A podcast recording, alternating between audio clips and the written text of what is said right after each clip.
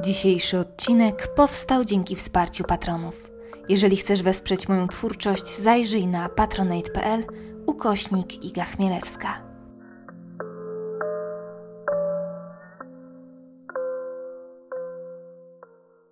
Cześć, to 95 odcinek bardzo brzydkiego podcastu i od razu chciałabym zapytać Was, czy wierzycie w nawiedzone domy? Powiem Wam, że ja z całego serca chciałabym powiedzieć, że nie. Wiecie, jakie jest moje przywiązanie do mm, logicznych wyjaśnień każdego nielogicznego zjawiska.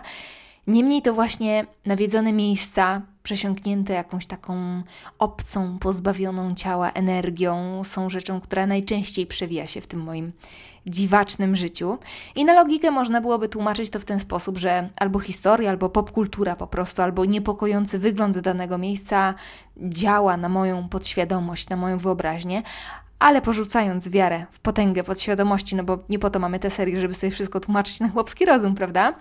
Gdyby odrzucić logikę, to można ulec wrażeniu, że w danym domu, w danym mieszkaniu, jakiejś przestrzeni gromadzi się energia poprzednich lokatorów, tragicznych zdarzeń, osób, które były z danym miejscem bardzo związane albo umarły tam śmiercią gwałtowną i nie mogą się z tym kawałkiem świata pożegnać z takich lub innych powodów. A jak jest naprawdę, no tego się nie dowiemy, ale muszę Wam powiedzieć, że historie o nawiedzonych miejscach należą do moich ulubionych, więc dzisiaj przygotowałam dla Was historię prawdziwych miejsc Polsce, które od lat budzą dreszcze lokalnej społeczności. I oczywiście na świecie takich miejsc jest cała masa, ale że słuchają mnie głównie obywatele naszego pięknego, choć smutnego kraju, to pomyślałam, że większą frajdą będzie, jeżeli ktoś na przykład usłyszy o swojej rodzinnej miejscowości.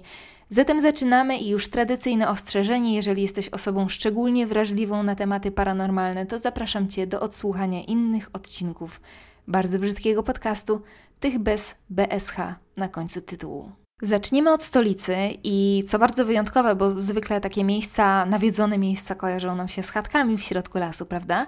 A tym razem będzie to ścisłe centrum Warszawy, dokładniej ulica Wilcza 2.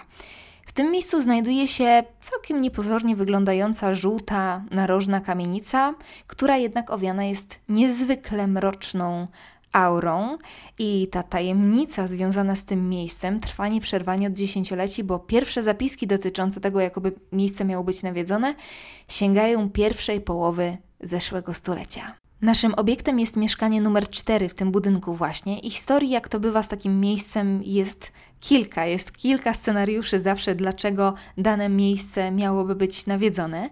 Pierwszy z nich dotyczy morderstwa, którego miał dokonać albo lokaj, albo pokojówka w zależności od źródła, różne źródła różnie podają, a ofiarą miała paść starsza, zamożna dama Aleksandra Grobicka, której kosztowności miały być po śmierci skradzione, no i od tego czasu duch kobiety ma nawiedzać to miejsce i krążyć po nim, szukając swoich skarbów.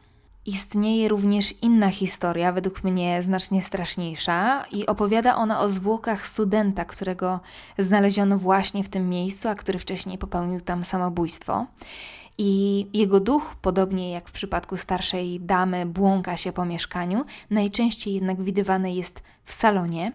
I z duchami bywa tak, znaczy ja nie wiem jak bywa z duchami, ale tak gadają i tak piszą, że często w przypadku tej nagłej śmierci, jaką jest wypadek lub samobójstwo, duch nie wie, że odszedł i wciąż odgrywa sceny ze swojego życia.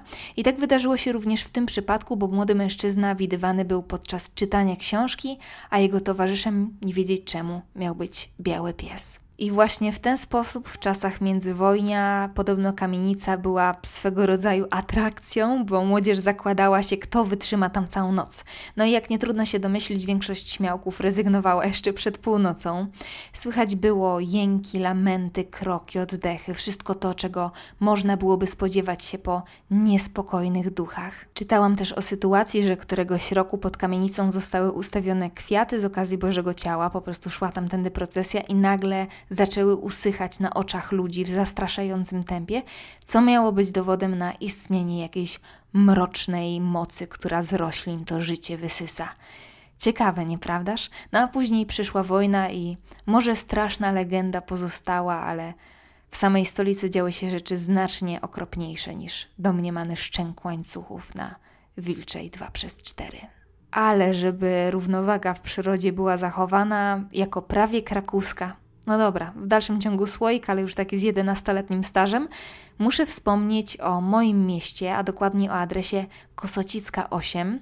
Ehm, tu już jesteśmy daleko od centrum. Dzielnica Prokocim, ale ręki sobie nie dam uciąć, no i nie dam sobie też niczego uciąć, czy to miejsce dalej istnieje, bo mówimy o dosyć pokaźnym pustostanie, który już od dłuższego czasu groził zawaleniem to właśnie na tej ulicy znajdował się lub wciąż znajduje się trzypiętrowy dom jednorodzinny, który swojego czasu był mocnym paliwem dla mojej wyobraźni.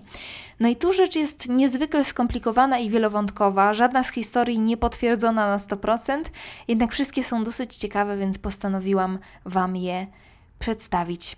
Pamiętacie, jak w odcinku o słowiańskim Diable opowiadałam o miejscach, w które się chłopi zwyczajnie nie zapuszczali, bo czyhało tam licho?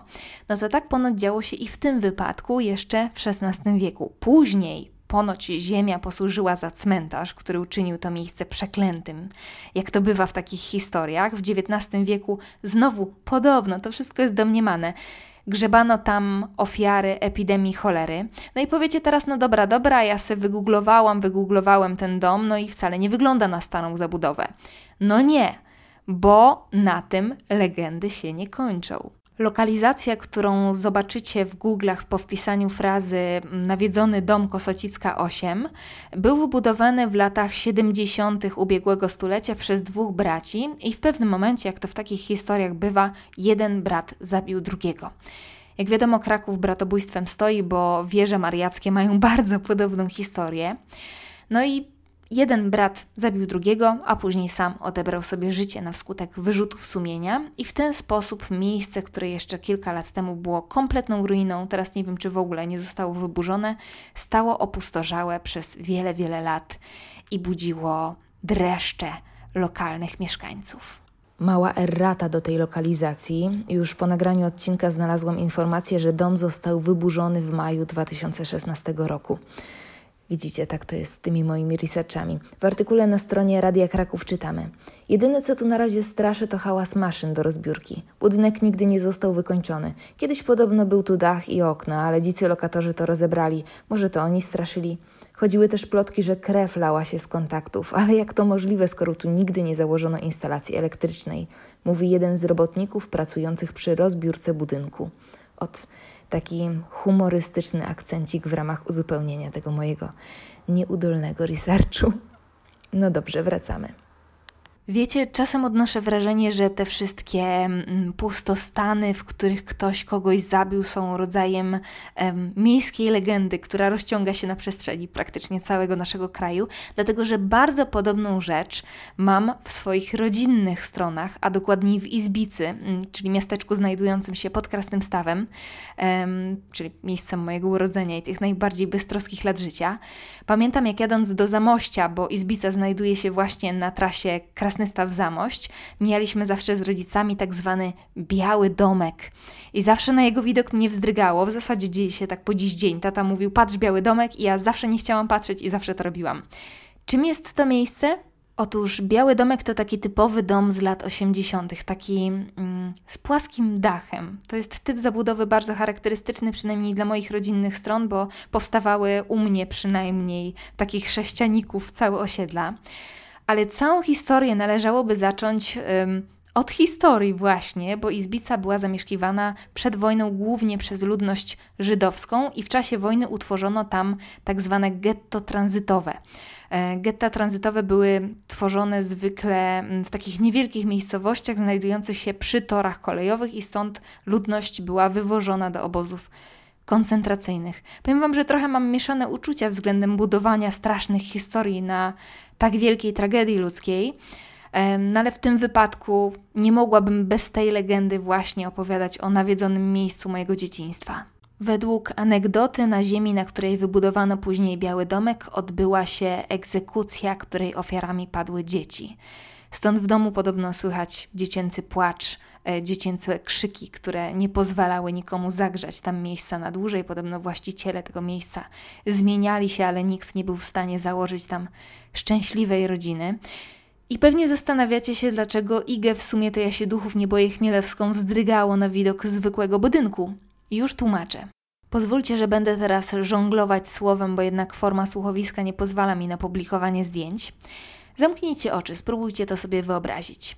Biały domek stoi na prostokątnej działce porośniętej trawą. Prawie żadnych drzew, żadnej bujnej roślinności, która zwykle przejmuje takie niezamieszkałe tereny, po prostu trawnik.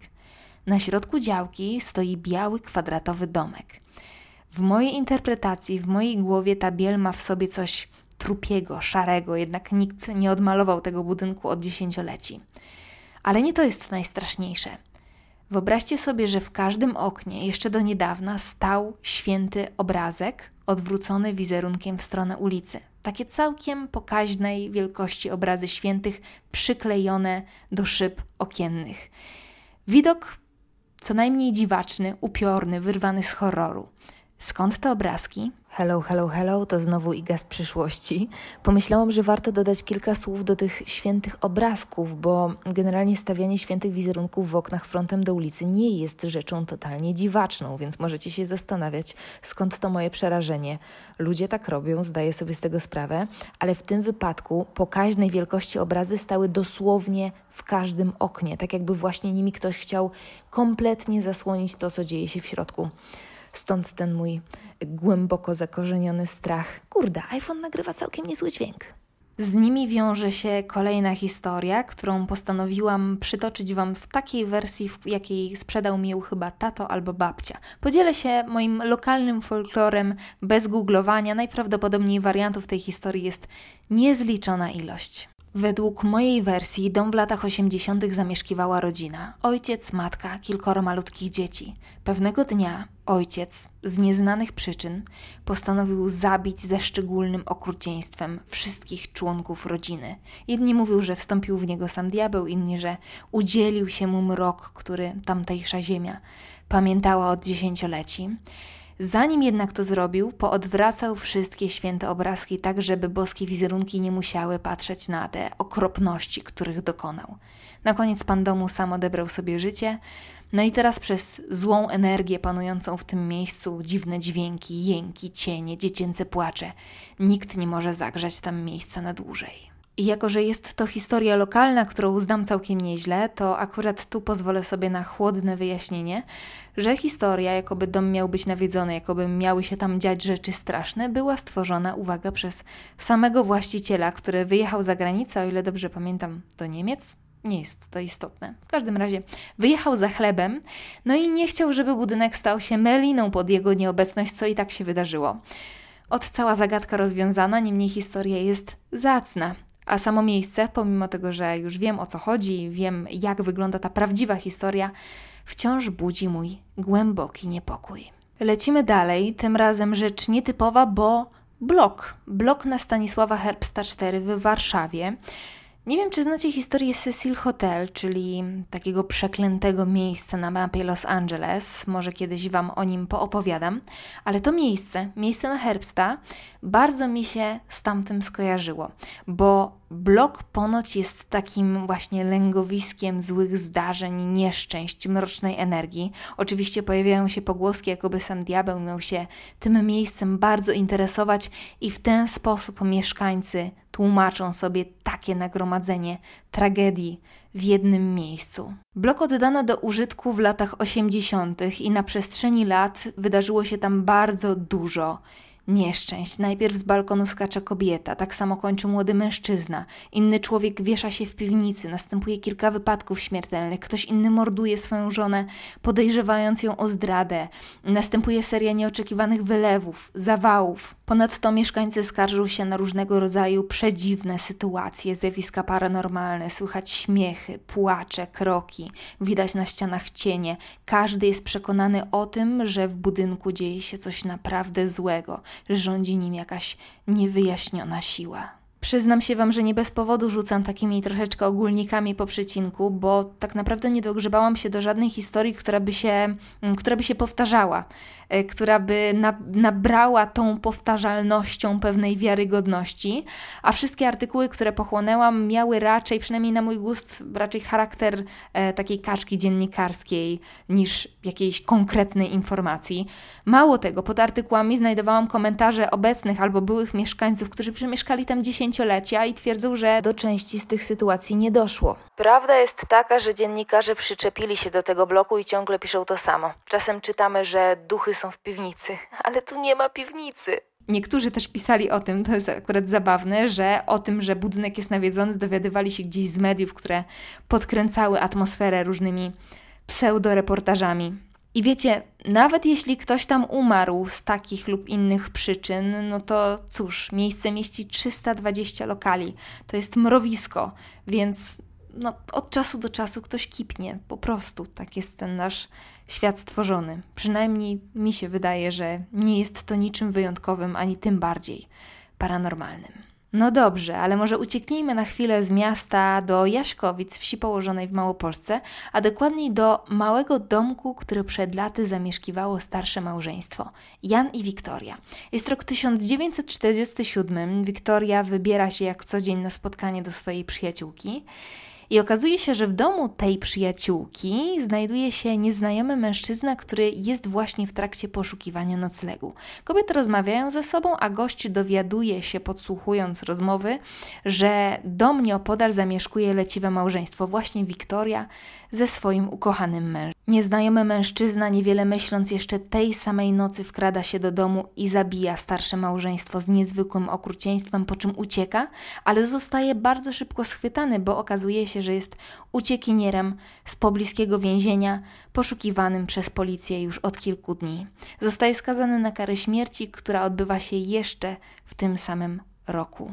Jak nie trudno się domyślić, w domu po dziś dzień słychać jęki konającej pary, a kiedy stanie się przed domem i zerknie w okno sypialni, wciąż można dostrzec duchy ofiar kładące się do snu. Tak jak w przypadku chłopaka z kamienicy na Wilczej, te duchy również odgrywają swoją rolę, jakby wciąż żyły, jakby były zawieszone w czasie. Podobno dom od wielu lat próbuje się sprzedać, ale nikt za bardzo nie jest zainteresowany kupnem. Po pierwsze, dlatego, że ta historia wydarzyła się naprawdę i musicie przyznać, że jest niezwykle makabryczna, a po drugie, chata jest już w bardzo złym stanie i w zasadzie nadaje się wyłącznie do wyburzenia. Nie wiem jak wy, ja bym w takim miejscu w życiu się nie osiedliła. I już ostatni punkt mojej dzisiejszej mrocznej wyliczanki, czyli miejsce dosłownie wyrwane z horroru, a mi osobiście kojarzące się z grą Outlast. Nie wiem, czy ktoś z Was grał. Ja mogę powiedzieć, że grałam, chociaż bardziej sikałam w gacie ze strachu. Czyli szpital psychiatryczny w Owińskach. Akurat w przypadku takich miejsc, to wiecie, jestem prawie pewna, że za nasz lęk i tę taką przedziwną aurę odpowiada jednak odrobinkę popkultura, bo te przerażające szpitale wszelkiej maści są miejscem akcji wielu historii, filmów, książek, gier itd., tak itd., tak więc siłą rzeczy nasz mózg produkuje wiele obrazków, kiedy, kiedy znajdujemy się czy słyszymy o takiej lokalizacji. Ale na bok logika, na bok niewiara, zróbmy miejsce dla mroku. Kiedy patrzę na zdjęcia tego budynku, to moją pierwszą uwagę przyciąga niepowtarzalna architektura, e, którą szpital zawdzięcza czasom, w których powstał, w których został wzniesiony, bo jego historia sięga 1838 roku. Do 1920 roku szpital należał do Niemców i wówczas zasłynął jako jedna z najnowocześniejszych placówek tego typu, posiadająca najlepsze metody leczenia, najlepszy personel. E, to były w ogóle bardzo dobre czasy czasy dla tego miejsca. W 1920 roku szpital przejęli Polacy, wszystko grało, no ale chwilę później przyszedł ten prawdziwy mrok, czyli II wojna światowa. W listopadzie 1939 roku do placówki wchodzą naziści i dokonują egzekucji zarówno na kadrze szpitala, jak i na kompletnie bezbronnych pacjentach, którzy przez swoje choroby nijak nie wpisywali się w ideę rasy panów, za każdym razem, jak sobie o tej całej wyssanej z palca teorii myślę, to aż mnie wzryga, po prostu aż mnie to telepie. Co za bzdura. No ale to właśnie przez nią, przez tę chorą ideologię na terenie placówki i w pobliskim lesie doszło do prawdziwej rzezi, a mury szpitala chłonęły tę potworną energię, która według niektórych istnieje tam po dziś dzień.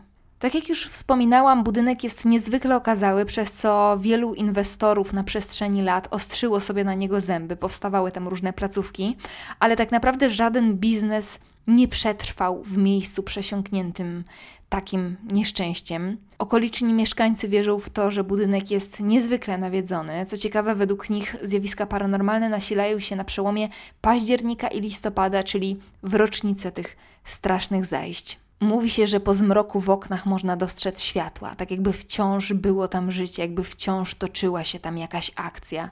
Po budynku, jak w popłochu, uciekają postaci, które chwilę później rozmywają się gdzieś w powietrzu. Tutaj znowu pojawia się ten motyw scen odgrywanych przez duchy, jak za życia, jakby dusze nie wiedziały, że odeszły z tego świata, jakby przegapiły ten moment.